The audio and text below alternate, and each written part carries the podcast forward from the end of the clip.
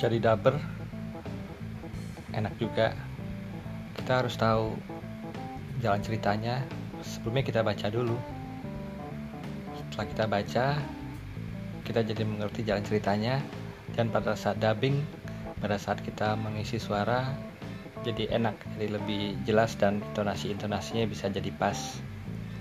Saya sudah mulai rekaman jadi dubber pertama kali. Udah merekam 12 episode 12 bab ya dalam satu novel. Dan uh, itu menarik. Uh, sudah baca dan akhirnya tertarik juga sama cerita novelnya sendiri. Bagus juga. Terus saya coba kasih backsound dan uh, udah diupload udah masuk di uh, novelnya